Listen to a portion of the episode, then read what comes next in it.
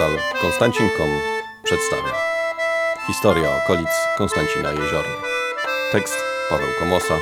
Adaptacja audio Bartek Biedrzycki Rzecz o ziemomyśle Kuczyku. Niewiele wiemy o pułkowniku ziemomyśle Kuczyku, którego oddział rozbity został w Goździach, co upamiętnia pomnik powstania styczniowego w Cieciszewie.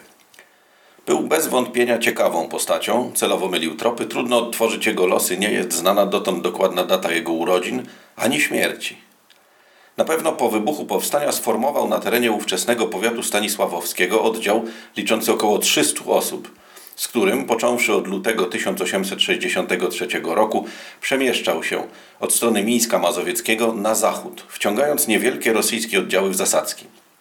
Patrole pokonał w Kałuszynie, Mrozach i Cegłowie, stając się rosnącym utrapieniem dla Rosjan. Wreszcie na początku marca posłano większe siły pod dowództwem pułkownika Reinthala. Na wieść o tym Kuczyk ruszył w stronę Wisły, by się wymknąć. Po drodze jednak nieopodal Glinianki doszło do pierwszej potyczki z pikietą rosyjską. W miejscowości Poręby, w obecnej gminie Wiązowna, Kuczyk odparł pierwszy atak. Powstańcy wycofali się w kierunku Mlądza, nad Świdrem pochowali poległych. Następnie ruszyli wzdłuż Wisły na południe, a tam doszło do następnej bitwy, gdy wytropiła ich rosyjska konnica. W Otwocku Małym, w okolicach lasów pod Karczewem, w miejscu zwanym Osiny, doszło do kolejnego starcia. 250 powstańców wraz z 60 konnymi stawiło czoła 500 żołnierzom.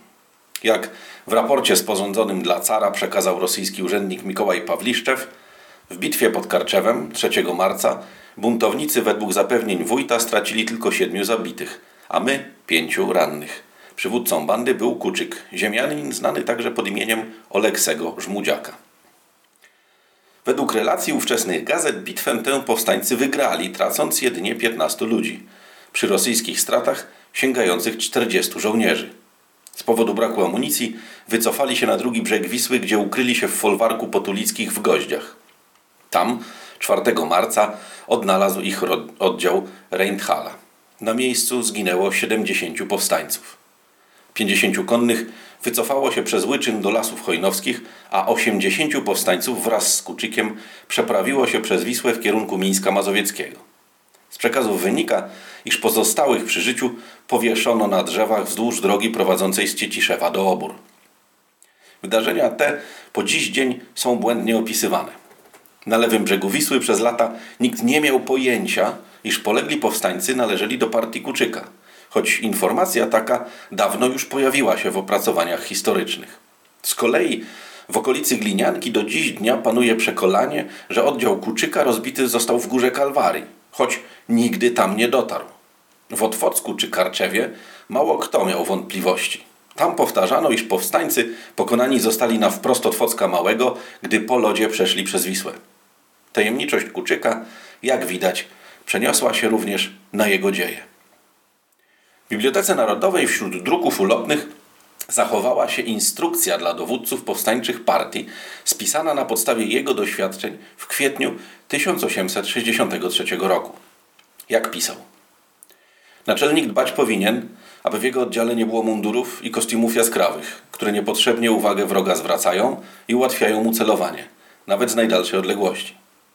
Sam też naczelnik nie powinien nosić munduru rażąco wyróżniającego się ozdobami i upstrzeniem od podkomendnych.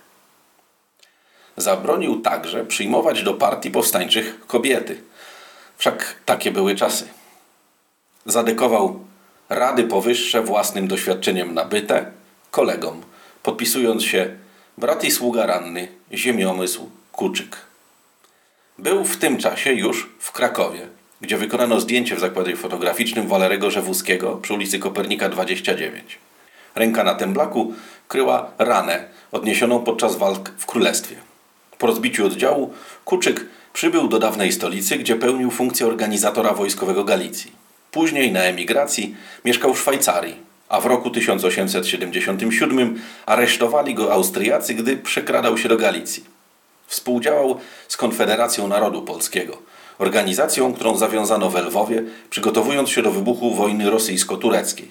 Planowano wówczas wywołać powstanie zbrojne w zaborze rosyjskim. Konfederaci nawiązali kontakt z wielkim wezyrem, który obiecał utworzyć polski legion. Ostatnią posiadaną informacją o Kuczyku jest wieść, iż okazał się carskim agentem i prowokatorem i został zdemaskowany przez Polaków. Jak i wszystkie inne przekazy o Kuczyku, ten jest równie tajemniczy. Niewiele o nim wiemy. Trudno domniemywać, żeby był agentem podczas powstania. Raczej nawiązał współpracę później. Czy była to gra operacyjna pułkownika, czy też rzeczywista współpraca, raczej nigdy się nie dowiemy.